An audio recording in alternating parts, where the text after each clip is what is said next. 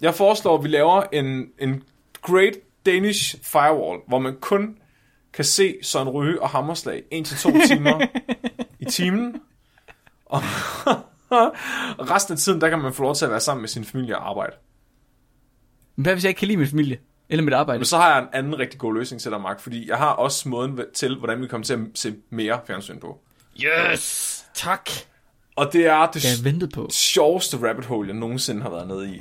I hvert fald tæt på. Og måske rumhønsen slår den lige. Vi bringer en advarsel.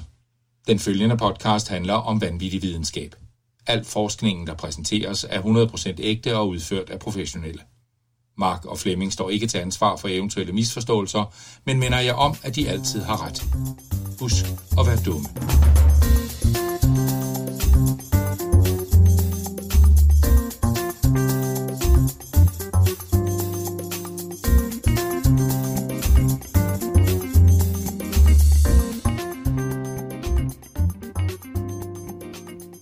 Hej, og velkommen til Spækbrættet. Din bro til vanvittig videnskab. Jeg ser fjernsyn hele tiden. Flemming, Jeg er jeres sidste afsnit, og så går jeg i seng, Mark Lyng. det findes ikke. to infinity and beyond! Giv mig alle. Har, hvor mange gange har du set Desperate Housewives, øh, Mark? Hvor gammel er jeg? alle årene. Alle årene. En af hver. Vi skal, snakke om fjer- vi, vi skal snakke om fjernsyn i radioen i dag. Ja, det skal så. Vi skal snakke om den her sådan, nye teknologi, der kan lave billeder til lyd, som vi endnu ikke har opdaget. Er der sådan en? Ja, det, Det er sgu smart. Det her er et fjernsynsapparat, Nå, og det er, Er det ganske rigtigt? smart. den kan lave billeder til lyd.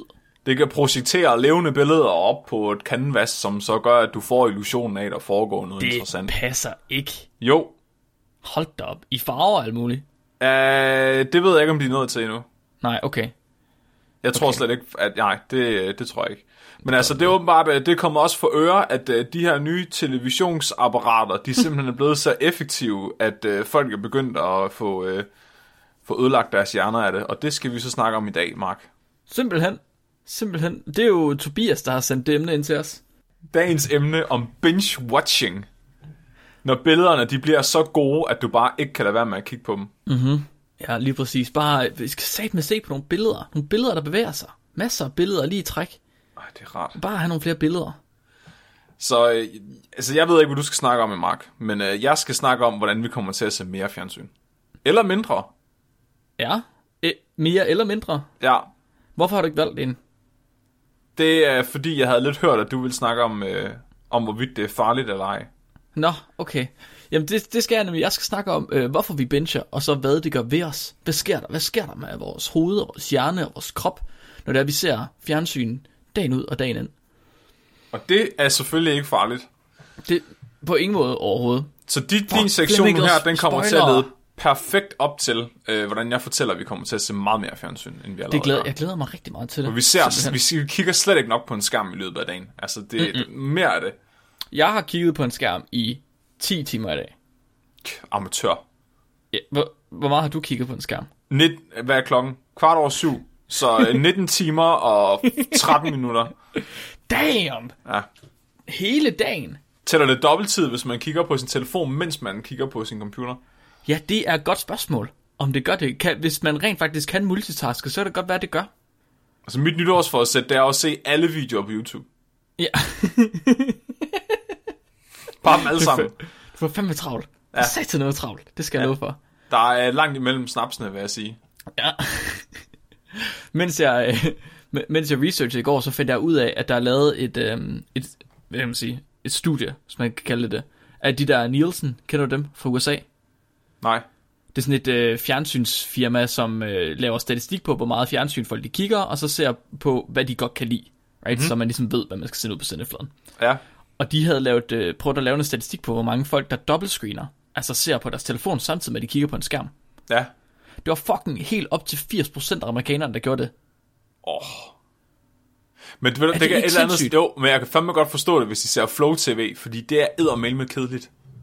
Men de fleste i dag, det kommer jo også ind på, de streamer jo. De ser jo ting, som de gerne vil se. Det er jo video on demand. Ja, det er selvfølgelig rigtigt. Det er jo ikke Flow TV længere, det findes jo ikke. Det er jo kun vores forældre og bedsteforældre, der ser sådan noget. Ja. Jeg kommer også til at sidde, jeg forberedte mig i dag, jeg kommer bare til at sidde og tænke på, hvor meget verden egentlig har ændret sig siden, altså bare jeg var barn. Åh oh, ja, Altså, åh oh, jeg er virkelig begyndt at føle mig gammel, ikke? Det, Hvor- det går op for mig, at, at folk, der er født i år 2000, Mark, mm-hmm. hvor gamle tror du, de er nu? 0? De er 20 år gamle nu, Mark. Tænk lige over det. Men det kan de jo ikke. Det kan man ikke, det kan de ikke. De jo- Matematikken det, fortæller mig, at vi er i år 2020, Mark, og sådan er det. det passer ikke. Og jeg, jeg jeg, jeg, altså, jeg er begyndt at føle mig gammel nu, fordi når jeg så snakker med dem, så går det op for mig, at de aldrig har oplevet en verden uden smartphones, stort set. det er rigtigt. Altså min Ej. første smartphone, den fik jeg på gymnasiet, og den skulle jeg kraftedeme ikke gå på internettet med, fordi det var dyrt. Ja, Så jeg ved slet ikke, altså den kunne bruge internet, men det var sådan, jeg turde ikke åbne det, fordi så fik man en kæmpe stor regning.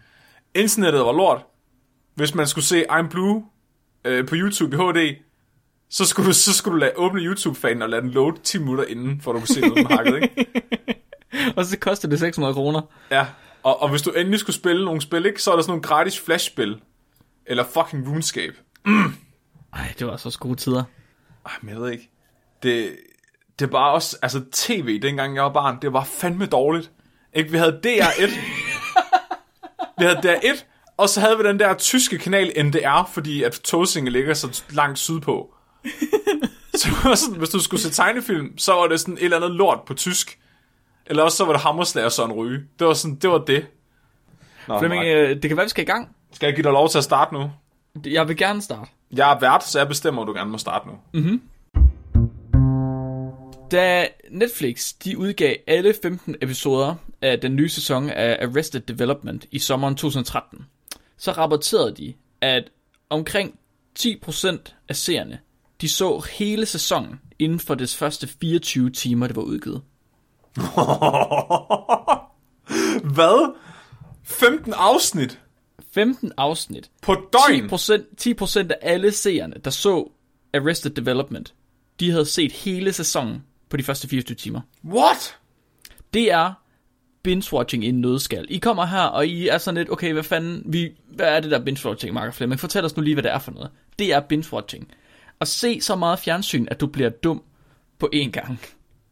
Ej, For satan, mand. Altså, vi ved det jo et eller andet sted godt. Vi ved jo godt, hvad det er. Fordi de fleste af os, jeg lytter, og, og, og og Flemming, vi gør det jo, altså, nok minimum en gang om ugen, Hvad for noget? right?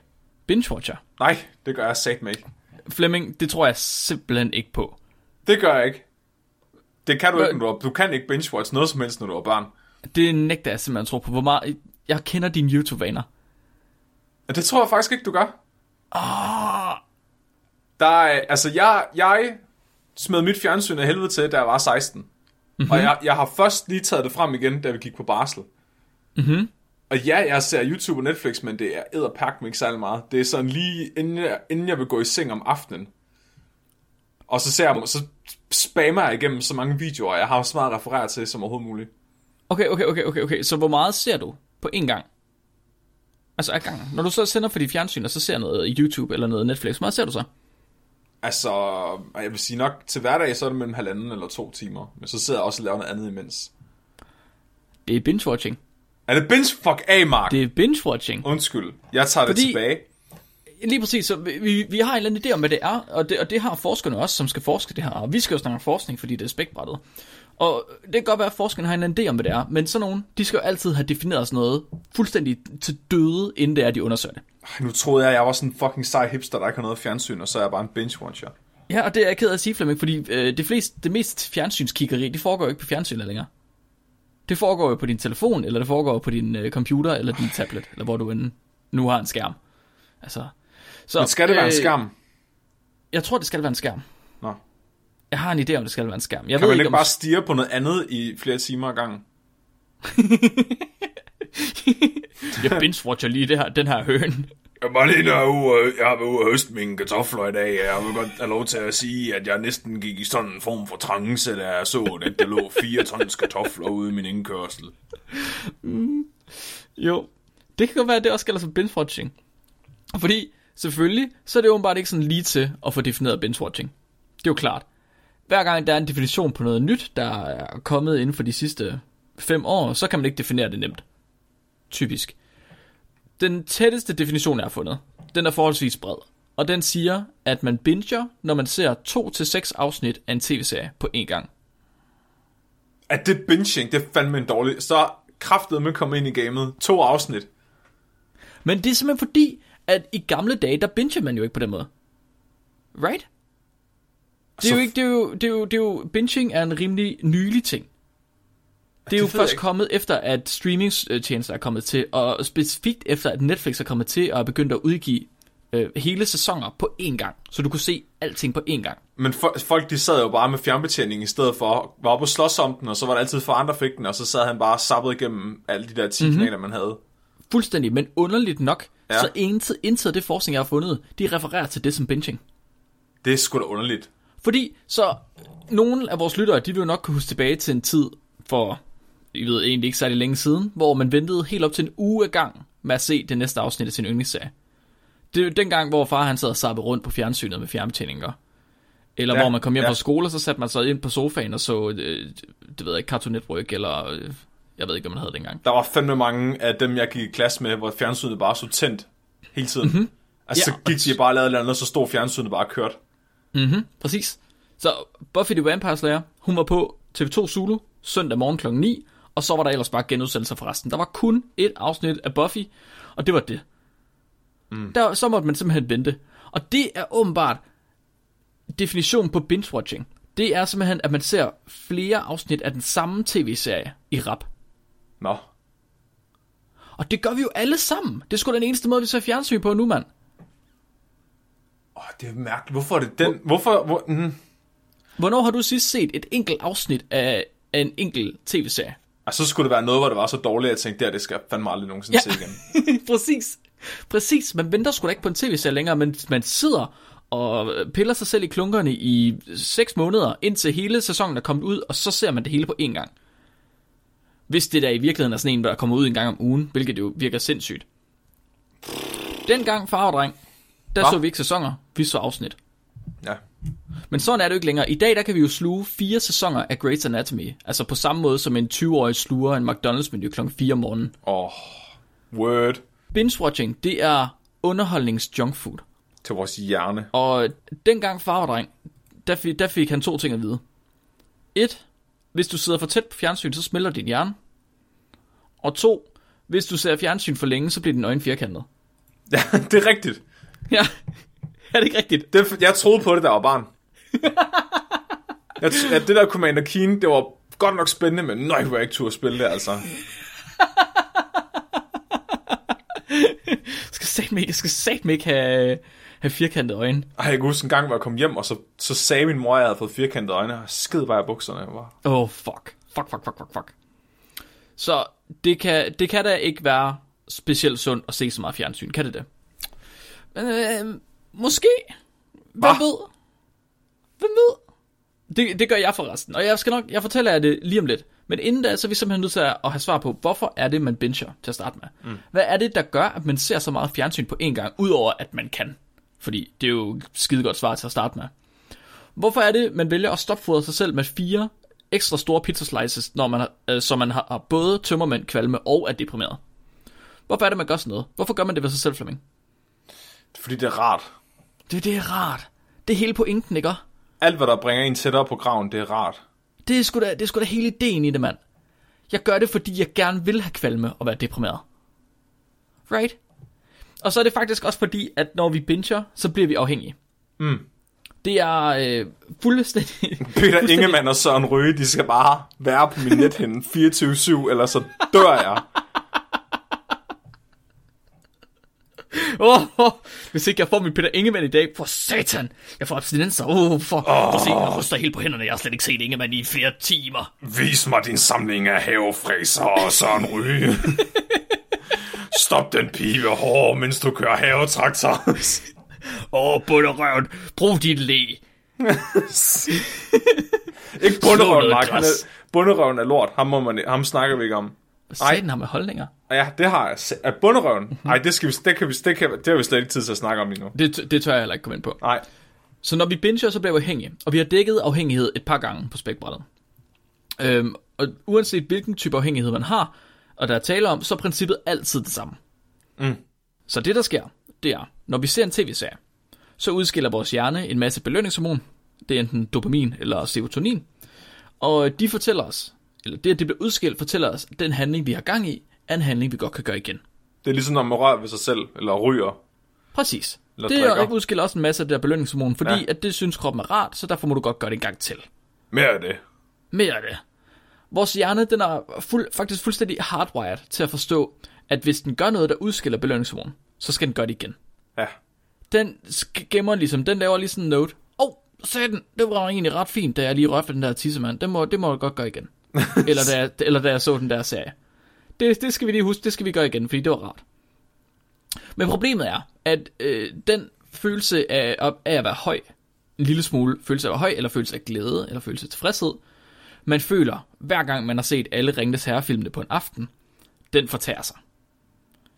Det, men det bliver ikke lige så rart at se alle Ringnes Herrefilm på en aften. På et Er du tidspunkt, på så er det? det bare ikke det samme. På, jeg, jeg vil godt udfordre dig, Flemming. Hvis du ser alle Ringnes Herrefilm, lad os sige, laver sådan en maraton, 10 gange, Ja. så er den 10. gang altså ikke lige så sjov som den første. Jeg, jeg tror, jeg kender en, der vil synes, det bare blev mere og mere ophidsende. Jamen, så tror jeg måske, man har en eller anden form for neurologisk defekt. Det tror jeg faktisk, han har. Det er nok ret. Måske er man øh, mentalt udfordret. Hormoner, de fungerer nemlig ved, at de binder til receptorer i vores hjerne. Og når de binder til de receptorer, sådan nogle arme, så sætter det et, typisk et signal i gang om, at nu er der rigeligt hormon. Så nu kan vores celler godt gå i gang med at pakke de der receptorer væk. Mm. Hvis der er masser af hormon, så behøver man ikke alle de der receptorer, fordi det koster energi at lave dem. Og så, hvis der er nok, så skal vi slet ikke, så lige meget, så væk med dem. Right? De bliver altså ikke brugt til noget alligevel. Så vi pakker dem væk. Der er slet ikke brug for så mange, for der er masser af signal. Men næste gang, vi skal have startet det respons, så er der altså færre receptorer tilgængelige. Fordi vores sidste respons sagde, pak dem lige væk en gang, vi har ikke behov for dem, der er masser af signal. Så hvis ikke de når at komme op på overfladen igen, jamen så er der færre receptorer, og det betyder, at når du lige pludselig øh, går i gang med at se Ringnes Herre, så er det ikke nok. Du er også nødt til at skal have fat i Hobbiten for at få det samme hej. Eller røre dig selv imens. Eller røre dig selv imens. Men ja, simpelthen. Der skal, der skal mange ting til. Det er derfor, man, øh, man har svært ved at stoppe med at ryge, for eksempel. Mhm. Mm-hmm. Fordi at nikotin bare pumper glædeshormon ind i dig, og så fjerner alle dine receptorer. Så når du holder op mm-hmm. med at ryge, så bliver det træls. Ja, ja, og det er jo det samme princip både med rygning og med heroin og med alle andre stoffer og alkohol og al afhængighed, der i virkeligheden findes. Så Ja. en af grundene til, at man binger, det er fordi, man er blevet afhængig. Man har gjort sig selv afhængig over tid. Mm-hmm. Men der var et andet studie, eller der var et studie, øh, som er lavet her under corona-lockdown, der har spurgt en masse mennesker om, hvordan de har set fjernsyn under corona. Eller i virkeligheden, hvad de har brugt deres tid på generelt. Og øh, der viser det sig, at de adspurgte, de havde øget deres binge-watching med 26% dagligt under corona, øh, hvad hedder det, lockdown. Det er altså, hvor de sad ja. hjemme hele tiden. Det er fair nok, kan man sige. Ja, men ved du hvorfor? Nej. Så de havde gjort det, de fleste af de adspurgte, de havde svaret, at de havde gjort det for simpelthen at prøve at kapere situationen, altså håndtere den på en eller anden måde. Ja. Fordi at de havde fået en eller anden mild form for depression, og så for at prøve at få afløb for det depression, så har de simpelthen set flere serier. Mm. Fordi at serier, de hjælper med at få, øh, få afløb for de her depressioner. Nå. Så det er faktisk det næste, jeg, jeg vil snakke om, fordi når vi binger, så får vi en afhængighedsskabende glædesfølelse. Men hvorfor? Hvorfor får vi den her glædesfølelse? Altså hvorfor er det rart at se fjernsyn? Right? Det er fint, at jeg ser på et eller andet, men det behøver ikke nødvendigvis være rart. Og det Nej. er virkelig lidt ligegyldigt, hvad du ser på. Du får det uanset hvad. Og det gør vi simpelthen, fordi at vi øh, er cirka lige så kloge, som hunden de er. Så når en hund, den sagt. kigger, den kigger sig selv i spejlet, så aner den ikke, hvem der er der. Den tror, det er en ny hund. Og det gør vores hjerne også, når den ser fjernsyn. Vores hjerne er simpelthen ikke klog nok til at forstå, at det på fjernsynet, det er kunstigt. Der prøv at tænke på, hvis vi bare sad og så på en slukket skærm i alle de timer i stedet for. det er også det, altså, hvis jeg, hvis, jeg, hvis jeg har set fjernsyn for længe, så kommer jeg altid til at tænke på, gider hvordan det ville have været, hvis jeg siddet og kigget på mig selv til fjernsyn. Hvor fucking deprimerende det ville være. Jeg tror, lige for dig, der vil det være det modsatte deprimerende. At se på mig til fjernsyn. Er det fordi, jeg er så flot, at det bare, Jeg, jeg tror virkelig, jeg tror virkelig, du vil have det rigtig rart af det. Bare sidder Du og er kigger på selv? du er sådan rimelig narcissistisk, Flemming. Det, ja, det er faktisk rigtigt. Så hvis hjernen, den forstår simpelthen ikke at differentiere mellem, hvad den ser på en skærm, og hvad der foregår i virkeligheden. Så vi projekterer, hvad det er, vi ser i en tv-serie, over på os selv. Og det gør vi på tre forskellige måder. Den ene, den kalder de for wishful identification. det er, når vi ønsker os hen til det, vi ser på skærmen. Så øh, det, det er det, børn de ofte gør. De ser ligesom et eller andet på skærmen, og så er det sådan, åh, der vil jeg gerne være, eller jeg vil gerne være den superhelt, eller sådan noget i stil. Mm. Og det er uanset, om man gør det for spændingen, fordi man synes, det er spændende at være på eventyr, eller om man gerne vil være i en magtposition, som i House of Cards, eller have en form for prestige, som i øhm, øh, hvad hedder Wolf of Wall Street. Det er, alle de der, det er sådan noget wishful identification. Så er der parasocial identification. Og det er, når man har et ensidigt forhold til karaktererne på skærmen. Som gør, at man føler, hvad de føler. Er det ikke så meget YouTube-agtigt, eller reality-tv? Vanvittigt meget YouTube, Man føler, man vanvittigt kender meget personerne. reality-tv. Ja, Vanvittigt meget Friends-agtigt. ja, At man sidder og føler, at man er en del af vennegruppen Friends, selvom de i virkeligheden aldrig har sagt hej til en. ja. Måske man bare den akavede, der sidder over i hjørnet. Mig PewDiePie, vi er venner. Ja, og han giver mig, han giver en, fuck, han fistbomber mig eneste gang. Det var så rart, og jeg bare, jeg kender ham bare, jeg ved bare, han laver. Jeg var jeg er din bro! Indtil man kommer i tanke om, at han er svensker, så... Ja. det er den anden måde, man kan identificere sig på. Og den sidste, den hedder Perceived Similarity. Og det er måske den mest kraftfulde der af dem. Det er når handlingerne på skærmen, de er så lige med vores egne, altså så tæt på det, vi selv gør, at vi får empati med det, der foregår på skærmen. Mm. Det kan være alt, right? Det kan være en, en situation med venner, der sidder og drikker et eller andet, eller hvis der er en, der går igennem et øh, breakup, og du lige har været igennem et breakup. Vi mennesker, vi er ikke klogere end hunde. Vi kigger på den skærm der, og så ser vi, ser vi noget, og så tror vi, at vi står i den situation. Så øhm, nu har vi ligesom fundet ud af, hvorfor det er, vi binger. Og jeg har ridset det op for jer, som om, at det er dogenskaben selv at binge en tv-serie. Det, det er lidt ondskaben selv, at man sidder og ser tv hele tiden. Mm. Men er det egentlig så slemt? Er det i virkeligheden så forfærdeligt? Jeg ved det ikke, Mark. Det er dig, der skal fortælle mig det. Jamen, så jeg har fundet et par studier, der har forsøgt at finde sammenhæng mellem øh, folk, der binger, og så hvordan de ligesom har det. Mm-hmm. Både mentalt og fysisk. Og hovedsageligt så kigger de selvfølgelig på overvægt. Et rimelig nemt offer at tage fat i. Fordi når man kigger tv, så er det oftest passivt, right? På sofaen, Ja. eller i sengen, eller på lokum.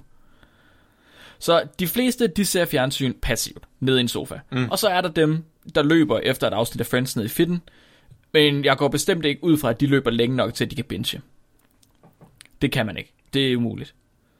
Så et af mine studier, det første her, de har et ultra objektivt syn på binging, hvor de forklarer, de har virkelig, de har virkelig prøvet at gå ned og se, okay, lad os lad være med at se binging som noget det sted ondt. Lad os prøve at kigge på det fra en objektiv vinkel i stedet for. Måske er der godt i binging. Juridisk set.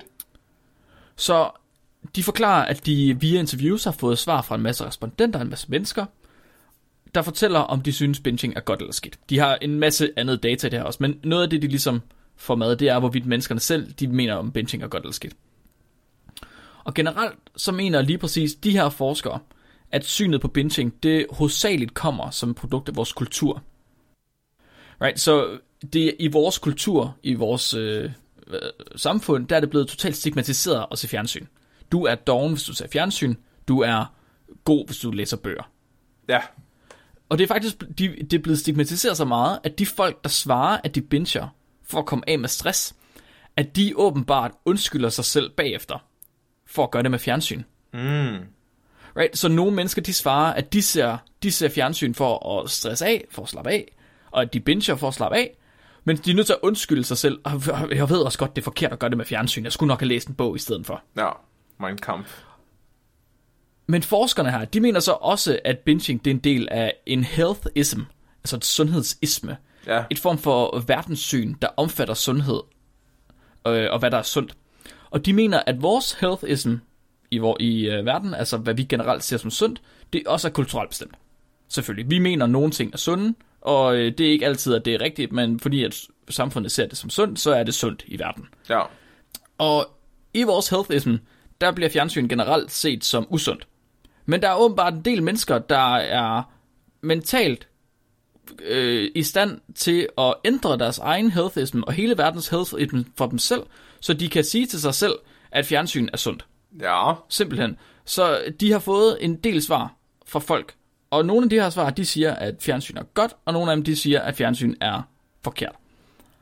Og det var faktisk det, det positive, videnskaben havde at sige om fjernsyn. At fjernsyn er godt, og fjernsyn er dårligt.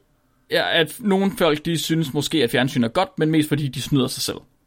er det et videnskabeligt studie? Det er et videnskabeligt At studie. nogle mennesker synes, fjernsyn er godt, men nogen synes ikke, det er godt. Ja, og det... Øh, tak videnskaben. Psykologi er en ægte videnskab. yes. Og det var alt det positive, videnskaben havde at sige om fjernsyn. For basically alt andet videnskab, det handler om, hvor forfærdelig fjernsyn er, og hvor forfærdelig binging det er. ja, så det første, jeg har fundet, det er et systematisk review, der fortæller, at børns udvikling, det er helt berørt, hvis de ser for meget fjernsyn. Der var nogle børn, som øh, blev bedre til at øh, lære nye sprog, men resten, de øh, viste concerning kognitive associationer, hvor de var dårligere til at læse, de var dårlige til at øh, øh, forstå ting, de var dårligere til matematik, de var dårligere til kognition, de var dårligere til sprog, og de var dårligere til at bevæge sig, det er sjovt. hvis de så for meget fjernsyn. Hold da op. Det, så børn skal ikke se fjernsyn. Det er sådan er det. Hvilket er rimelig spændende med alle de børn, der sidder med en iPad i hånden lige nu. Ja, jeg fandt også sådan et studie, der, der, der handler om det, fordi jeg, jeg også, altså vi er, jeg, jeg, jeg kan huske, da jeg selv var barn, at der var, der var de der to eller tre børn i klassen, ikke? hvor forældrene var mm-hmm. mega strenge i forhold til, om de må se fjernsyn. Ja. Nu er jeg selv blevet en af de forældre, altså. Fordi jeg, Det, er det, jeg tror fandme, det er fornuftigt nok. jeg har, ja, men jeg, er simpelthen, jeg vil ikke tage chancen. Fordi jeg, jeg har set så mange videnskabelige studier, der bare viser, hvor, at børns hjerner bare bliver ødelagt af at sidde og glo på en skærm. Og det er også alligevel, en iPad er noget andet end et fjernsyn. Altså fordi hammerslag er ikke det samme som de der fucking uh, Candy Crush-spil, de sidder og spiller hele tiden. Altså, øhm, Eller de der mærkelige YouTube-videoer med hænder, der danser og synger. Ja, jamen, det er sindssygt. Der, jeg, jeg fandt også et studie, der viser, at, at børn, der ser fjernsyn, de får, altså, øh, eller binger, de får dårligere executive function. Og, og det vil sige, at de basically bliver dårligere til at bruge deres hjerne. Altså behovsudsæt, øh, dårligere kognition, alting. Det er virkelig, øh, det er virkelig scary. Decideret ulækkert. Ja, men det er også vildt så nemt det er, når man begynder at bruge en skærm i sin børneopdragelse. Fordi du kan bare give dem en skærm, og så passer de sig selv, ikke? Så kan du gå ud over den have, eller hvad fanden det er, du skal. Det er jo i virkeligheden ret perfekt. Ja, det er for er, godt. det, er den perfekte barnepige. Måske det er derfor, at der er det der stigma mod fjernsyn. Det er fordi, det er simpelthen for godt til at være sandt. Ja, måske. Fordi fjernsyn er også, altså i de perfekte omstændigheder, under de perfekte omstændigheder, så har man set, at fjernsyn kan fungere til indlæring. Hvis du rent faktisk har et læringsrigt program, men det skal virkelig designes fuldstændig rigtigt. Så skal de fandme For ikke se det Netflix. op. Det er helt sikkert. Præcis, du kan jo ikke sidde og se Netflix. Altså, så skal du, selv hvis du ser dokumentarer på Netflix, så på et tidspunkt, så kommer du ind i en eller anden konspirationsteori. Nej, men du, har du set børnetæppet på Netflix? Nej. Det er så skrald. Det er helt vildt. Altså, moralen er stort set altid køb et eller andet, eller øh, bagtale nogen, eller blive populær på internettet. Det er sådan det. What? Jamen, det er fordi, du, man er nødt til at forstå, at i Danmark, altså på DR for eksempel, der er regler om, at der skal, være, at der skal være øh, læringsværdi i børnetv. Det er derfor, at mm-hmm. det er sådan noget ramachan, hvor du lærer at tælle og skrive, og lærer ikke at være et røvhul. Men, Ja. men på, på amerikansk børnetv, der er det et incentive, at du skal bare give børn, altså du skal bare udsætte børnene for noget, de gerne vil have mere af. Så det, det feeder bare børnene i de ting, de synes er fedt, plus det prøver mm-hmm. at sælge ting til dem. Det er virkelig, altså det er jo hjernevask. Det er fuldstændig sindssygt. Så børn og fjernsyn, rimelig dårlig kombi. Der er flere studier, der har fundet, at man bliver federe af at se for meget fjernsyn. Blandt andet fordi man bevæger sig mindre, som vi snakker om før. Men også fordi man bruger sin hjerne mindre. Så øh, der var et studie, der viste, at folk, der bruger hjernen mere, uden at bevæge sig mere, de forbrænder mere energi, end folk, der ser fjernsyn. What? Så hvis du bare sidder med en bog, så forbrænder du mere, end hvis du sidder og ser fjernsyn. Det er, du kan tabe dig at læse i forhold til at se fjernsyn. Øh, Jeg vil, så, jeg vil så sige, nu kiggede jeg lige hurtigt resultaterne igennem, meget, meget svage p-værdier. Altså, de har, de har en signifikant p-værdi, men der er forskellen så i virkeligheden en forskel. Det er nok på. Brænd, forbrænd de der to kalorier hver gang du, du bladrer. Det er nok. Ja. Det, er mere, det, det er mere energi, du bruger, end du bruger på at trykke på knappen på fjernsyn. Ja. Eller på fjernbetjening. Og så er der et studie, der går ud over alle de andre. Det var Flemming, der fandt det her i uh, formiddags, og det er, simpelthen, det er simpelthen et smukt studie. Det er nogle forskere, der har været så træt af, at børnene de altid løber med al opmærksomheden. Det er altid børnene, det skal handle om, fordi de er den nye generation. Så de har simpelthen valgt at sige, nej, fuck det. Hvad med den ældre generation? Hvad med de gamle? Hvordan tror I, de har det? Hvordan får de gamle deres til fjernsyn? Når jeg aldrig kommer og besøger dem, så har de jo ikke andet at lave, altså. Præcis. Det, så det her det er virkelig, virkelig skræmmende. Der er 3750 plusser, der blev målt på deres fjernsynsvaner og deres kognition. Og de gjorde det i 2008, og så gjorde de det igen seks år senere i 2014. Mm-hmm. Og studiet det viste, at ældre, der så mere end 3,5 times fjernsyn om dagen, de havde signifikant forringet verbal hukommelse. Altså, var ringere til at huske, hvad de har hørt og sagt, end andre, der ikke havde set lige så meget fjernsyn. Og det resultat, det var uafhængigt af alle andre faktorer, de havde inkluderet i det her studie her. Hold op. Så selv, selv hvis de her ældre, de havde fået øh, demens lige inden studiet gik i gang, eller lige efter, så havde det ingen indflydelse på, om man blev altså, mere eller mindre dårlig til at huske, når man så meget fjernsyn. På grund af fjernsyn, ja. på grund af fjernsyn. Ja. Så det var fjernsynet, der bestemte, det var ikke demens, der bestemte overhovedet. Det er vildt. Så basically, så siger det her studie, at hvis du er gammel, og du ser for meget fjernsyn, så smelter din hjerne, og du får demens. Og firkantede øjne. Og firkantede øjne. Har I ikke tænkt over, hvorfor der er så mange gamle mennesker, der bruger briller, var? Ja, det er sgu nok derfor. Ja. Det er sgu nok derfor. Og det er jo virkelig ubehageligt, fordi der er så mange gamle mennesker, der bare ser virkelig meget fjernsyn. Fordi det er det eneste, de har at lave. Altså, der er jo, der er jo en grund til, at Hammerslag har kørt siden 94, Mark. det, det er fordi, der er gamle mennesker, der gider at se det. Ja, men jeg tror sgu, du har ret. Ja. Og de ser det hele tiden. Det er fandme synd. Altså, der er sat ned med mange. Og det, det værste var ikke. Det var generelt de mennesker, øh, der viste højere kognition til at starte med, som var mest forringet til sidst. Det er vildt nok. Så selvom du var på en højere baseline til at starte med, så ville du komme ned på en lavere baseline til sidst. Så jo mere du havde, jo hurtigere mistede du det. Yep. Så det gælder faktisk bare om at være virkelig dum fra starten, når du bliver gammel. Skal bare... Så er du så dum, du ikke kan blive dummere. Jeg er altså fjernsyn. Så øh, vi binger, fordi vi er afhængige, og hvis du binger for meget, så smelter din hjerne. Jamen, det leder jo rigtig godt op til min sektion om, at vi kommer til at se mere fjernsyn. Markus! Hvordan får jeg smeltet min hjerne, Flemming? Ja, Hvad skal jeg gøre? altså jeg... Det, ja, Mark. Ja, Flemming. Måske skal jeg lige prøve at snakke om, hvordan vi kommer til at se mindre fjernsyn først. Okay. Fordi øh, så kan vi alle sammen finde ud af, at det har vi egentlig ikke lyst til, og så kan jeg hjælpe jer med at få lov til at se mere fjernsyn igen. Mm, mm-hmm. Og det er et utroligt, utroligt simpelt svar på det. Fordi kineserne, de har allerede fundet løsningen. Kineserne, de startede med at lave The Great Wall, den kinesiske mur. De var fucking trætte af, at mongolerne blev ved med at plyndre dem. Ja. Men har du hørt om The Great Firewall? Hvad? Det hedder den. Den hedder The Great Firewall. Er det, er det der, hvor regeringen bestemmer, hvad man må se? Det er, ja, det er den kinesiske mur 2.0. Udover at, udover at de kan bruge den til at censurere, hvad du må se, så kan de også bruge den til at censurere med, hvor meget, og det gør de nu. Hvad? Ja, Nej, stop. så det, men det er så specifikt computerspil, de står ned på. Så man må ikke spille computer i for lang tid. Nej. What? Så de, Har de ikke hørt, at e-sport er en ting? Jo jo, men øh, De kan jo vinde over Sydkorea, men det vil de ikke. der, der, der bliver sikkert udvalgt nogle få kinesere, der får lov til at game hele tiden. Ja, det kan selvfølgelig Så skal være. de sidde til deres fingre bløder og så. De bliver whitelistet på Firewall. Ja. Men, men det, altså, det er ret vildt, at de, at de kan styre befolkningen så effektivt. Men der er, altså jeg vil sige, de har videnskaben på deres side, fordi jeg begyndte at kigge lidt på sådan noget gaming-videnskab, som bliver et helt afsnit i sig selv på et tidspunkt. Mm-hmm. Men, men de har besluttet, at unge mennesker under 18 år, de må maks spille halvanden time på hverdag, og tre timer på fridag. De kan ikke spille mere end det. Deres computer lukker ned, hvis de prøver. Hvordan? De kan heller ikke spille fra 8 til 22. Det åbner først op for, at de kan spille efter 22 til 8 om morgenen. De kan heller hvad? ikke bruge mere end 57 dollars på at købe nye skins i CSGO om måneden. Hvor? Det er sådan nogle specifikke ting. What? Hvorfor kan de kun spille om natten? Det er fordi, ellers så spiller de jo i uh, skoletimerne. Aha.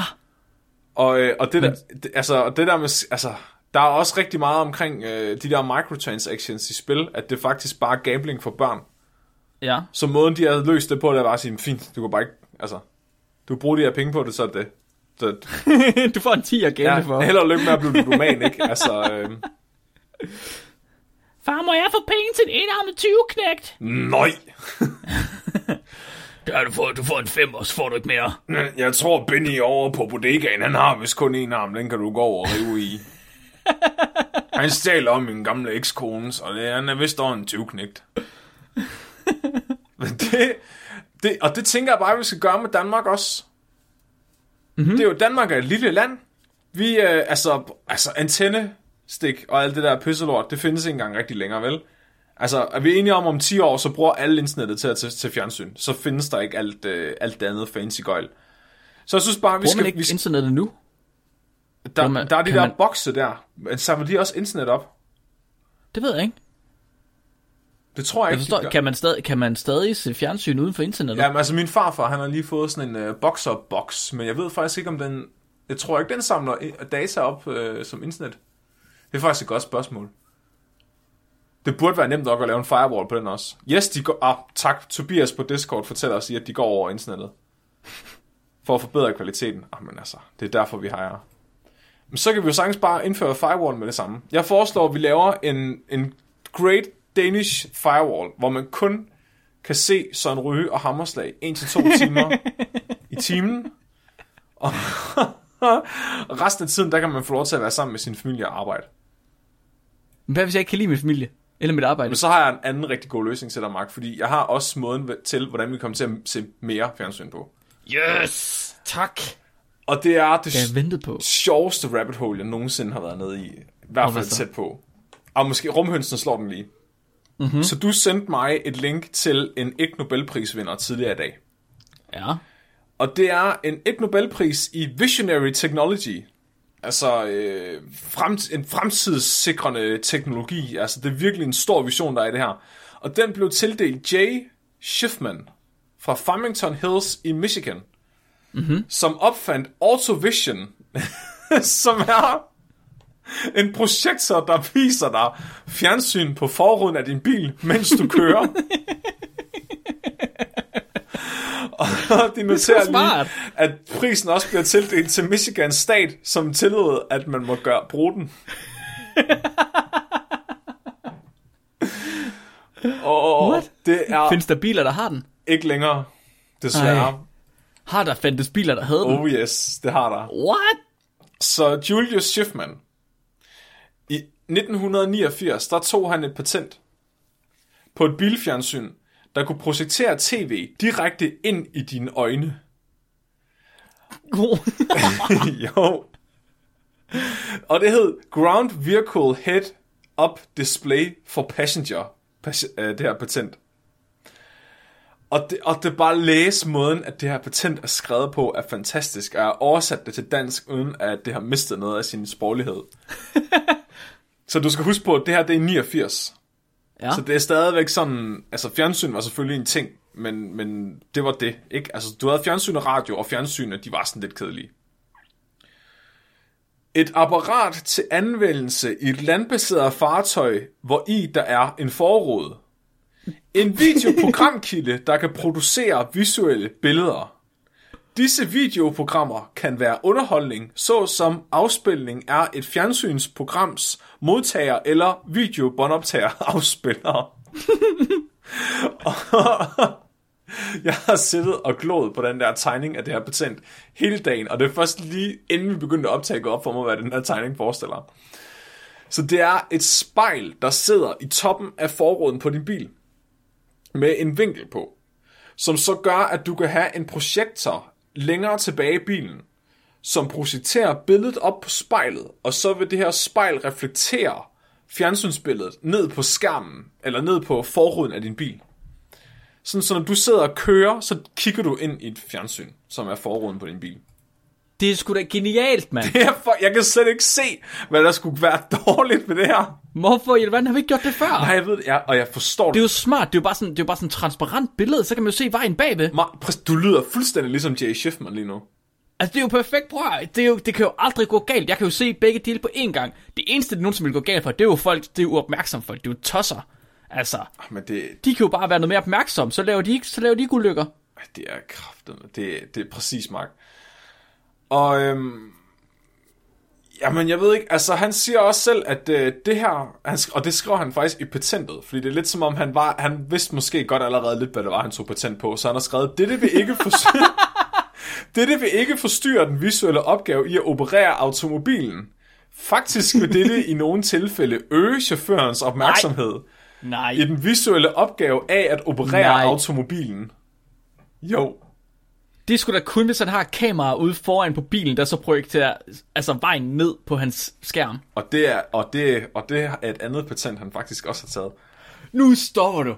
Det er rigtigt. Nu stopper du. Det passer ikke. Jo, han har også et andet patent på øh, den samme opfindelse, bortset fra at den projekterer det der over bilen og under bilen, op på forruden af bilen, så du har sådan 360 graders syn. Hvorfor skulle det nogensinde være nødvendigt? Hvordan, hvorfor ville jeg overhovedet se, hvad der var under min bil? Ej, jeg, skal lige, jeg har lige taget nogle Jeg skal lige se. Øhm, han mener, at det at projektere vejen direkte op foran bilen, samt det over bilen, vil undgå, at chaufføren bliver hypnotiseret af fortundet syn med at køre almindelig bil. Det passer ikke. Jo, What? nej, det er rigtigt. Og det, og det er sådan det, altså det var det, der, der sådan er at få ud af det her patent. Øh, haha, dårlig idé, man skal ikke have forruden på en bil som fjernsyn. Men så har jeg været, så har jeg virkelig været øh, igennem Google, og så har jeg faktisk fundet to interviews med ham omkring det her. Så LA Ja. Times, de interviewede ham i 1989, altså samtidig, samme år, som han tog det her patent. Og de er bare all in på den her idé sammen med ham. De siger, at i den nærmeste fremtid vil bilister måske se helt se noget helt igennem nyt, når de ser gennem deres bils forrude. God. Et fjernsyn, der til synladende svæver over vejen. Nej, så stopper du kraftet af med. Dette lyder måske langt ude, men Jay Schiffman, en elektronikingeniør for Autovision, mener, at dette er muligt. Et spejl i toppen af forruden vil projicere et billede ned på bilens forrude. Dette vil danne en illusion af et fjernsynsbillede, som svæver omkring 15 fod foran bilen.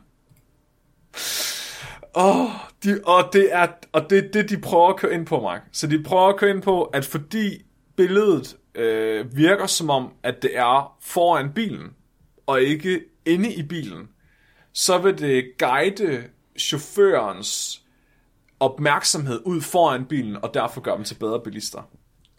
Nej, det vil ej. Prøv at den chauffør vil jo fucking sidde og se på, hvad Ross og Rachel de snakker om i Friends.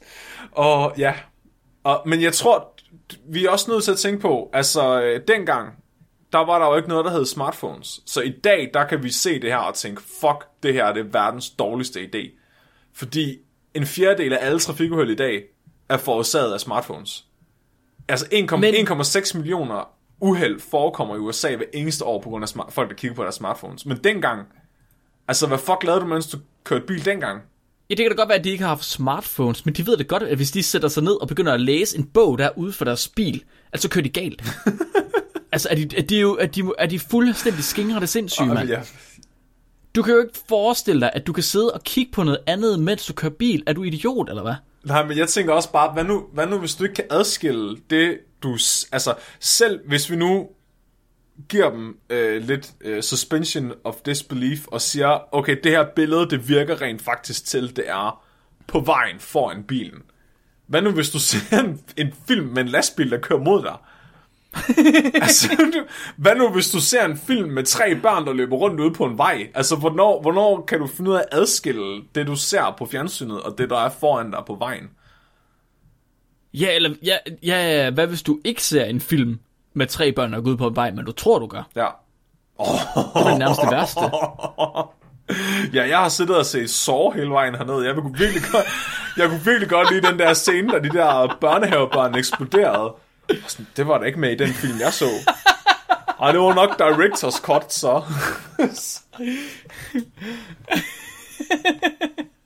Hov, det kan da vist godt være, at jeg skal i bilvask. Ja. Ja, jeg synes godt nok, Inception, den var lidt svær at forstå. Jeg kunne ikke forstå de der lastbiler, der blev ved med at dytte og køre ud i alle mulige mærkelige retninger midt på billedet. Men det må, være, det må bare være, fordi Leonardo DiCaprio, han drømmer meget om flyvende lastbiler. Hvordan kan man, hvordan kan man, jeg forstår slet ikke, hvordan det kan være en tanke. Altså, okay, så selv hvis de aldrig nogensinde havde haft muligheden for at vide, at skærme var en dårlig idé inde i en bil, så ved de sgu da godt, at opmærksomhed er en rimelig god idé inde i en bil. Mark, Mark, Mark. Prøv at tænke på, hvor røv kedelig verden var i 1989. Der var intet fucking internet. Der var ikke noget internet, Mark. Der var ikke nogen smartphones. Du, altså, fjernsynet var så dårligt, at det kunne være interessant at læse en bog. Ja, prøv at, folk ved godt, det her det er en dårlig idé, men de er fucking ligeglade, fordi de vil gerne se fjernsyn, mens de kører bil.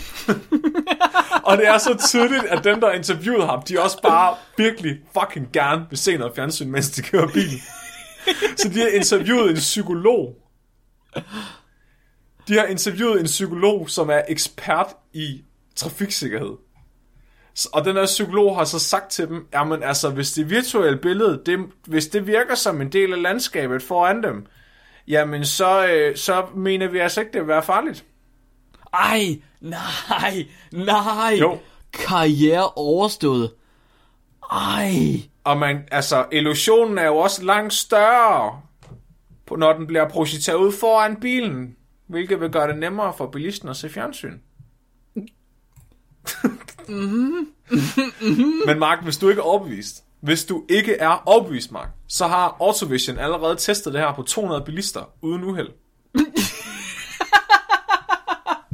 Hvor kørte de? det står der ikke noget om. Vi satte, vi satte 200 bilister ind på en kravlegård. Og der var ingen, der kørte galt. Der var ingen andre bilister. De siger, at øh, folk, de har altså også noget, der hedder naturlig overlevelsesinstinkt. Det siger de her psykologer også. Der er ikke nogen, der er så dumme, at de vil risikere deres liv for at se på en skærm. Mark. Der er så mange, der er så dumme, de risikerer deres liv for at se på en skærm. 1,6 millioner uheld, Mark. Årligt. Nej, nej, nej. Det er bare dem, der, det er dem, der rent faktisk har mistet deres liv ved det. Oh, kæft, mand. Oh, wow. Og, der, og, What? og så siger de afslutningsvis, prøv at se på radioen. I 1929, der var fandme ikke nogen, der ville have en radio i deres bil. I dag, i 1989, der har 95% af alle biler en bilradio. Og det er kraftet med også lidt noget andet. Kan vi blive enige om det, hvor det er godt nok ikke meget, man bruger sin høresans, mens man kører bil? Altså, jeg, jeg bruger 100% min høresans til at køre bil. Øh, jeg tror, mm, jeg, kan, jeg kan høre, jeg, jeg skal dreje til højre herop. Um, ja, min bil den er tændt, det kan jeg høre nu. Det er godt. Julen drejer rundt. Men, men og, det, og så tror man lidt, historien slutter her, ikke? Men jeg var så heldig, at jeg fandt et uh, interview mere 10 år senere. Fra Chicago Tribune fra, 8, fra 1998. Så det er, ja. Ja. Og der, uh, på det her tidspunkt, der er han så 75 år gammel. Synes du ikke, at det var en dårlig idé, det der, den der patent, du lavede der? Jo, altså, og det er lidt det, fordi det her, det her øhm, interview, det er ikke lige så jaded. Altså, der, de drømmer ikke lige så meget om, det bliver til en realitet længere, fordi de mm-hmm. kan godt se, at han er en crackpot. Så der, ja. Der, er nogle lidt flere, der er nogle flere interessante detaljer med omkring hans personlige liv og sådan noget. Øhm, så for eksempel så siger de, at han er 75 år i, i, i, i det, de interviewer ham, og så siger de, at han har altså promoveret den her idé i 29 år. Huh? Men fremtiden ser lys ud. Fordi han får altså fem opkald om dagen. Omkring det her? Autovision. Han vil bare ikke lige fortælle, hvem det er fra. Og så, til, så tilføjer de også, øh, så skriver de, der er en person, der hedder Bill Gates, som har sådan noget, der hedder Microsoft, øh, som overvejer at lave noget, der hedder en auto, auto PC computer til bilen. Han kunne måske være interesseret i det her teknologi. Ja, det, det kunne han måske. Så kunne man måske have sådan en skærm, man kunne sidde, og så kunne man måske sidde, og så kunne man spille Counter-Strike, mens der man kører bil. Og det er jo en rigtig god idé, for vi ved alle sammen, at man bliver ikke stresset af at spille Counter-Strike. Men det er 98 det her, Mark. Der var ikke noget, altså... De ved ikke engang, hvad PC står for. De siger Auto PC Computer for the Automobile. du, du, du, øhm, så afslører han også, at øh, ideen den kom til ham, da han var i gang med at udvikle målere til flyvemaskiner, som skulle projektere øh, nogle af de der ting fra instrumentbordet på flyet op på forruden, sådan så de ikke behøvede at kigge ned, når de fløj. Og det, og det har han faktisk patent på. Og det er også noget, der er blevet brugt. Fordi det giver jo mening. Ja, det, gør, Det er jo giver informationer, mening, det er jo informationer, man ikke er nødt til at følge med i, så man bare lige kan kigge over på en gang imellem. Hvilket giver mening. Det, ja, og han har også været med til at lave The Blind, uh, Bendix Blind Landing System, som er sådan et uh, system, der tillod piloter at lande i tog ved at projektere et uh, billede af landingsbanen op på flyet elektronisk. Det er også pænt smart. Ja, men, men, men alligevel er han gået all in på Autovision. På det her tidspunkt, der har han investeret en halv million dollars ind i den her teknologi. Oh, wow. og han mener, at at få installeret et Autovision-system i sin bil vil koste omkring 25.000 dollars. Og problemet lige nu... 25.000. Ja, og problemet lige nu, For- Mark, grunden til, at det ikke er blevet Ja. til noget endnu, i de her 29 år, han har arbejdet på det, det er, at øh, automobilindustrien, de er for snæversynet. ja. Den her Det industri, er de. har han regnet ud, kommer til at indbringe 20-50 milliarder om året dollars Om året, Om året. mindst. Fjernsyn, det bliver en pissegod forretning i, bil. i biler. Ja. Og kæft, hvor skal jeg have meget fjernsynsbiler.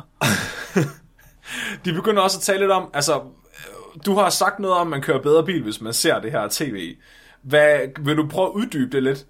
Og så siger han, Ja. at det er fordi, det stimulerer det sympatiske nervesystem. Hvilket betyder, Hvad? at du hele tiden er i fight or flight respons. Han siger basically, at hvis du ser fjernsyn, mens du kører bil, er du konstant så bange for at dø, at du vil køre bedre. Ah! Breaking Bad! Ah! Og han har også, øh, så har han taget et patent mere på det her tidspunkt, som egentlig er det samme, bortset fra, at det kun er til det ene øje. Hvorfor skulle det være smartere, Jay? Apparatus for Hvorfor promoting the vigilance of a vehicle operator using monocular display. Så det er en udgave af det her, God. hvor at du får hvor du får projiceret det der fucking billede direkte ind i det ene øje, fordi han mener sagtens, at en bilist kan vende sig til at køre med det ene øje, og så fjernsyn med det andet. Oh my fucking god. Altså er han... Nej, stop nu. Og så mener han Stop også, nu. at øh, man kører bedre, hvis man ser fjernsyn imens, fordi så kigger du lige ud. Hvis du ikke har noget fjernsyn foran dig, så sidder du og glor ned i instrumentbordet. Og det vil jeg sige, Det gør du for helvede. Der er jo kraftigt ikke nogen, der sidder og kigger ned i instrumentbordet hele hun, tiden. jeg synes, det er Står så han. kedeligt at køre bil. Jeg sidder og glor ned i speedometeret hele tiden. Altså, det, så kan jeg få nogen til at gå op og ned og op og ned. For helvede, mand. Altså, hvordan ser han fjernsyn? Følger han ikke med? Han er garanteret typen, der ser Flow TV. Han tror, at tv det er sådan noget, der bare kører i baggrunden. Jeg ved, jeg ved det ikke. Jeg ved det ikke, Mark. Jeg har så mange Prøv, spørgsmål. at han, men han har selvfølgelig, han har jo heller aldrig set Breaking Bad. Han ved ikke, hvordan det er at være klistret til skærmen, fordi det er så spændende. Nej, måske er det, fordi tv er blevet så godt i dag, at vi bare tænker, fuck, man. Men, men det, Det giver jo ingen mening, men han følger med i sin tv-serie. Men altså alligevel, Mark, nu, nu de, de spurgte lidt ind til, hvordan han har testet det her. Og det viser sig egentlig, at det, de har fået lov til at se med Autovision, trademark, øh, var ret spændende. så øh, nu skal du huske, det er det er 10 år senere, ikke? Så nu har han testet det på 500 mennesker. Uh. På en periode over 18 år. Uden uheld. Uh. Og de har altså spillet alt fra baseball til porno for de her personer. der er nogen, der har set porno på Autovision i deres bil. Uden at køre galt. Hvorfor vil man det? Men Mark, og nu kommer, og der var der så lidt foreshadowing med dig. Det er ulovligt at se tv i sin bil, tilføjer han. Så de har altså kørt på en privat bane, da de har testet det her. Så ja, de har kørt rundt i en kravlegård. Men de er fandme ikke kørt galt. De er fandme ikke kørt galt. Prøv at forestille dig være, være den person, der er kommet ind i den der gamle bil, og så få at vide, nu skal du bare køre i, i cirkler herinde, og så er en tændt for en pornofilm, og så bare lade dig køre rundt i to timer.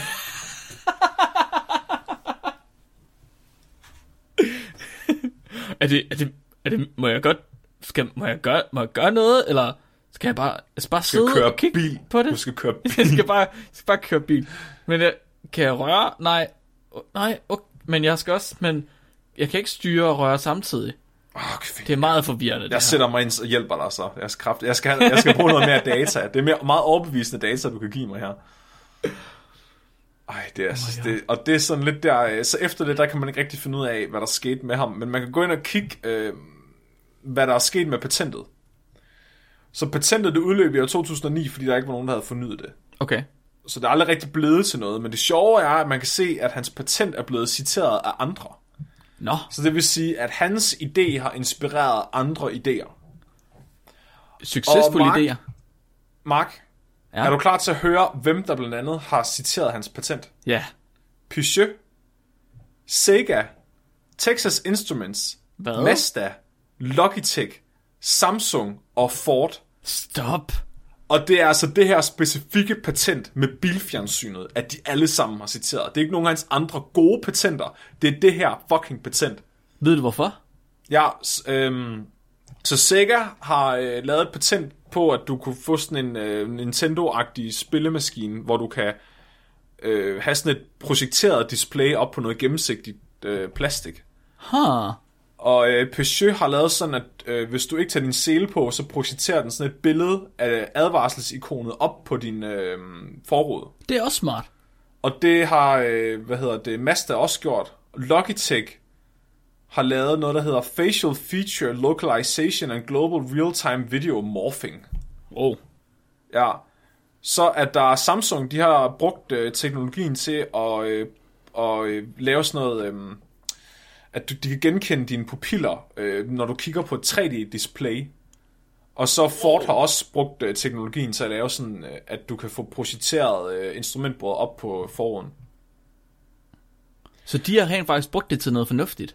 Ja, og så er der også en anden person, der går ret meget igen øh, i de her øh, citeringer, og det, det må være hans ærke nemesis. Chung long chung. Han har taget fem patenter baseret på det her patent. Og det er alle sammen øh, bil-tv, som faktisk er blevet til noget. Nu stopper du...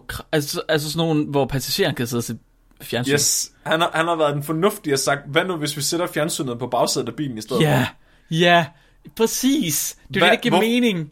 Jamen, jeg forst- og han har også øh, lavet en med, med fjernsyn i loftet af bilen. Altså, jeg tænker bare, hvorfor har han gået så meget all in på forruden? Hvorfor har han ikke lige kunne tænke sådan, ah, hvad med at putte fjernsynet et andet sted end, end forruden? Han nægtede bare at lære sin fejl. Og sådan, det er ikke mig, der er forkert på den. Det er forbrugeren, der er forkert på den. Ah, Men det, No, it is the children who are wrong. det, det er typisk amerikaner, ikke? Så typisk amerikaner. Ja, kæft mand. Så altså, han havde i alt over 40 forskellige patenter. Øhm, og, og den ene af dem var det her Bendix Blind Landing System, som tillader piloter at lande. Der er også øh, det med, med at øh, cockpittet, øh, at du kan se instrumentbordet på et fly op i ruden.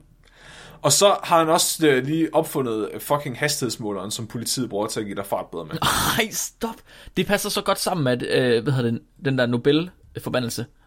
Ja, Right? At, at genier, eller folk, der får en Nobelpris, eller gør noget virkelig vanvittigt, at de også er kugleskøre. Det, ja, ja, ja, men altså alt, hvad han lavede i 60'erne, er basically genialt, ikke? Direction Responsive Vehicle Speed Measuring Police Radar Apparatus, 1968. Og så tog han så mange svampe, at han bare tænkte, det her, det skal andre folk også kunne. Jamen, det var som om, da han gik på pension, det kunne han bare ikke kapere. Så var det bare sådan, så han bare, altså alle patenterne, efter, altså der er en lang række af virkelig gode, originale patenter, og så lige pludselig så får han bare den her idé om Autovision. Og så er det som om, i stedet, altså så er der nogen, der har sagt, det var dumt, og så er han blevet sådan lidt anti og sagt, nej, det er ikke dumt, det er en god idé. Så er han, så er han, så er han bare kommet til at se dummere og dummere ud med årene, og så har han bare gravet hele mere og mere i, for ikke at tabe ansigt, og så har han bare taget 10 forskellige patenter på bilfjernsyn. Ej, han er bare blevet en gammel, sur mand. Der har brugt en halv million dollars på Autovision. De er faktisk i virkeligheden lidt synd. Det er også lidt sjovt. Hvad sagde du? Jay hvad? Hvad han hed? Ja. Ja, alle kalder ham Jay, men hans fulde navn er Julius Schiffman. Julius Schiffman. Ja. Han er en karakter. Ham skal man kende. Husk på det navn. Det er et godt navn. Manden, der f- foreslog, at man skulle se fjernsyn i sin bil. jeg glæder mig. Altså, jeg tager ved på, at, øh, at, at hans... Altså, det er den største fejl, at hans... Jeg tror, han må være død nu, øh, når han var 75 i 98. Ja. Og, og patentet er udløbet. Jeg siger bare, den dag Elon Musk får selvkørende biler til at virke, så får alle biler et fucking Autovision. Og så, lige præcis, jeg, skulle lige, jeg tænkte lige præcis det samme. Så snart biler, de kan køre selv, og, og føreren ikke skal gøre noget, så virker det der. Så giver det mening. Ja, men han er ligesom, altså Julius Schiffman, han er ligesom alle store kunstnere, han blev først anerkendt efter sin død. Mest er fordi han var Monet. sindssygt stedig og fuldstændig kugleskør. Ja. Men det er der jo nok også mange forskere, eller øh, kunstnere, der er. Nej, nej, nej, nej, nej. Aldrig i livet. Det var, hvad jeg havde for i dag. Så det er simpelthen sådan, at vi, vi kommer til at se mere fjernsyn. Ja, Bare vi skal få det. et Autovision. Ej. Man kan også bare kigge på sin smartphone, mens man kører bil. Det, øh, det er kun en fjerdedel af alle trafikuheld, så... Nå, nå, det er jo ikke så galt. Der er jo tre fjerdedel chance. for, at det er noget andet, der Ja. går galt. Spekometer-måling, Mark. Vi er så meget klar til spekometer. Det Så. er, jeg har i hvert fald åbnet det. Ja, det. Det har Ja. jeg. Øhm, sidste uges afsnit, 373, det handlede om, hvordan vi gør mad bedre, rarere. Ja. Rarere mad. Vi snakkede tror- om GMO, og vi snakkede om øh, at give æsler alpakakød stød, og så snakkede vi om at få løg til at holde op med at få græde. Ja, lige præcis. Mark, Det var, det var lige præcis det. hvor videnskabeligt synes du, det afsnit var? Øhm, jeg synes faktisk, det var rimelig videnskabeligt. Det var næsten kun videnskabelige artikler, vi havde med, var det ikke det? Jo, men der var ikke noget mere om høns, så jeg kan ikke give den mere end 9. Men en 9 får den dog. Ja, der var ret meget videnskab om Jeg synes faktisk og også, det var sådan, jeg, jeg havde i hvert fald bygget en rimelig god videnskabelig historie op, og Nikolaj var også baseret på det, og du ja. havde også kun videnskabelige artikler. Jeg synes, det var meget godt. Der var ret høj videnskabelighed, faktisk. Ja, det synes jeg også. Den kunne faktisk nærmest ikke være højere. Men der var ikke høns med, så 9. Hvad giver du den? Øh, ved mig, der får den sgu en 10'er. Ja, det er i orden, Mark. Det er fordi, jeg, ikke, jeg, for mig behøver høns ikke være, være det vigtigste. Tænkefaktoren. Mhm. Hvor, hvor meget har du tænkt over det her? Så jeg må indrømme, æselkød og alpakakød, det var ikke noget, der fik mig til at tænke mega meget. Det var ikke sådan, at jeg bagefter var sådan, okay, nu kommer alle til at spise det. Det forstår Men jeg ikke. jeg var ikke klar over, jeg troede faktisk, at GMO-mad øh, var, at de var en stor ting i resten af verden. Jeg vidste ikke, at det ikke kun var EU og Danmark, der var imod. Nu, så Nikolaj snakkede jo om flavor saver, som i virkeligheden ikke rigtig virkede, så de røg ud, og så snakkede han om de der gyldne ris, som øh, var fyldt med beta-karoten, Ja. som skulle være til skide godt, fordi så kunne man få vitamin A, men som, eller A-vitamin, men det var også, det var heller ikke kommet ud. Det anede jeg ikke. Nej, jeg tænkte også meget over det der med, at, man, at det, det er ulovligt at lave GMO, men det er lovligt bare at skyde radioaktiv stråling mm, på mhm. din kål, indtil den bliver til hulk. Ja, det var også rimelig åndssvagt. Altså, den får 9 tænkefaktor herfra. Ah, jeg har okay, faktisk okay. tænkt over den. Jeg var, jeg var nok nede på en 8, tror jeg. Fjollefaktor. Det var ret åndssvagt, at de har givet stød til alpakakød. Det var ret åndssvagt. Åh, det er faktisk et virkelig godt afsnit. Det havde jeg måske ikke lige regnet med. Ah, den, den, får 8 herfra. ja, jeg tror, jeg er også på en 8. Nobelfaktor. Gradfri Altså- løg. Stød, Ja. ja. til, stød til lamakød eller Det er alpakakød. faktisk ret, det er ret godt. Come on. Det er rimelig Ja. spækbrætagtigt. Det må faktisk være 8. Jeg har også lært virkelig meget af det afsnit, Mark. Ej, på 9. okay, jeg er på 9. Læringsfaktor på 9 og herfra. Okay, hvorfor, hvorfor har du lært mig? Fordi jeg vidste ikke, at, øh, at øh, GMO var så langt fremme. Jeg troede bare, at man havde brugt det som sådan et alternativ til stofforkorter eller et eller andet. Jeg havde ikke anet, at man faktisk var gået ind og fundet ud af, hvordan du kunne få gradfri løg. Altså. og så for så længe siden. Altså, det er jo ikke engang sådan nyt. Det er jo noget, man har vidst et stykke tid. Altså, Ja, ja, ja, ja, ja, ja. Ja, true. Det har jo været fremme i virkelig lang tid i virkeligheden. Jamen, jeg skulle, også, jeg skulle nok også på en 8, faktisk. Det giver afsnit 373, kan vi gøre mad bedre, en total score på 86 plus minus Flemming og Nikolaj. Det er en rimelig høj ende. Det er ikke det højeste endnu. Den ligger på samme plads som øh, afsnit 334. Hvad er Bigfoot egentlig? Det er også et godt afsnit. Det er også et godt afsnit. Men det har dog ikke vundet over, øh, om vi kan gøre planeter beboelige. Det var også et virkelig åndssvagt afsnit. Det var fandme godt afsnit. Kæft, det er jeg glad for. Så øh, skal jeg fortælle jer, at øh, hvis I har lyst til at støtte os, så kan I gøre det på tier. Vi har en hel masse af vores dejlige tier-støtter med os øh, lige nu, faktisk. Fordi øh, hvis du støtter os på tier, så får du adgang til vores øh, Discord blandt andet, og et billede af mine fødder usensureret. jeg, jeg, jeg, Det har jeg glemt. jeg skylder faktisk øh, vores, øh, vores tier-støtter øh, et billede af mine fødder med nøglelagt på nu. Øh, Nå ja, det gør du sgu da også. ja, Det er Det- det... rigtigt. det har jeg bare undgået at tale om. Øh, Hvis man nu kunne tænke sig at være en del af det her meget interne show, så skulle man øh, lige hoppe ind og kigge på vores tier en gang, og måske kaste en enkelt mønt eller to. ja, eller dem alle sammen. Eller dem alle sammen. Må jeg Hvis- fortælle, hvad næste uges afsnit det skal være? Kom med det. I næste uge, der skal vi snakke om øh, et emne, der er sendt ind af Alexander Kirkegaard, øh, hvor vi snakker om drømme og drømmetydning. Og specifikt så skal vi snakke om Jungs drømme, fordi han har nemlig, øh, der er blevet udgivet et, en samling af hans drømmestudier, som hedder øh, Den Røde Bog, Åh, oh, Mark. For kæft, mand. Det er nu puha. lige på Novus, og jeg ved, at Flemming han elsker sådan noget. Det er fuldstændig vanvittigt. Jeg elsker, prøv at hvis du drikker mig fuld, så kommer jeg til at snakke om Jung. Og, det, Ej, det- og der er ikke nogen, der gider at snakke om Jung, fordi folk, der ved noget om psykologi, og altså, de vil ikke snakke om ham, fordi han var syg hovedet, og folk, Han der er i nemlig lidt syg hovedet. Han har nogle Hva? rimelig vanvittige idéer om, hvordan drømme skal tydes. Han så var... Mm, ja, men det er det, han er kendt... Mm. Det, han er kendt for, for drømmetydning og sådan noget, men han har lavet nogle langt mere interessante ting, som, som stadigvæk er relevante i dag, udover det. Men den Jeg- røde bog har jeg prøvet at få fat i i 15 år nu, og det kan ikke lade sig gøre. Nej, ja, men det er fordi, han blev, da han blev ældre, der blev han øh, basically sindssyg. Mm-hmm. Øhm, og isolerede sig, og så arbejdede han på den her røde bog øh, i rigtig, rigtig mange år, og den, den er fuldstændig langt ude på syre. Den er så sindssyg. Øh, men alt det, han lavede op til det, det var virkelig hardcore akademisk, bortset fra al hans forskning foregik gennem dagdrømmen. Nice. Jeg glæder mig rigtig, rigtig meget til næste uges afsnit. Alexander, han spurgte specifikt ind til, om vi måske skulle have øh, analyseret lidt på dine, øh, hvad hedder det? Ja, hvad fanden hedder det? min Din- din søvnparalyse. mareridt. Søvnparalyse, ja, lige præcis. Ja. ja. Ja. Så det bliver skide godt, det er næste uges afsnit. Skal vi have en øh, dyrfakt? Mark? Er I klar til dagens dyrefakt? Den er virkelig, virkelig, virkelig god i dag. Så jeg sagde tidligere, at der i virkeligheden ikke rigtig er noget positivt ved at se fjernsyn. Og det passer selvfølgelig kun med mennesker. Det er klart. Fordi for ikke særlig lang tid siden, der var der en snitopart, der hed Arctic. Og Arctic, han blev ofte syg. Han fik ofte sådan nogle øh, luftvejssygdom. Det gør snitopart ofte. Og han ville ikke stoppe med at klynke, når det var, der ikke var dyrepasser til stede. Han var syg.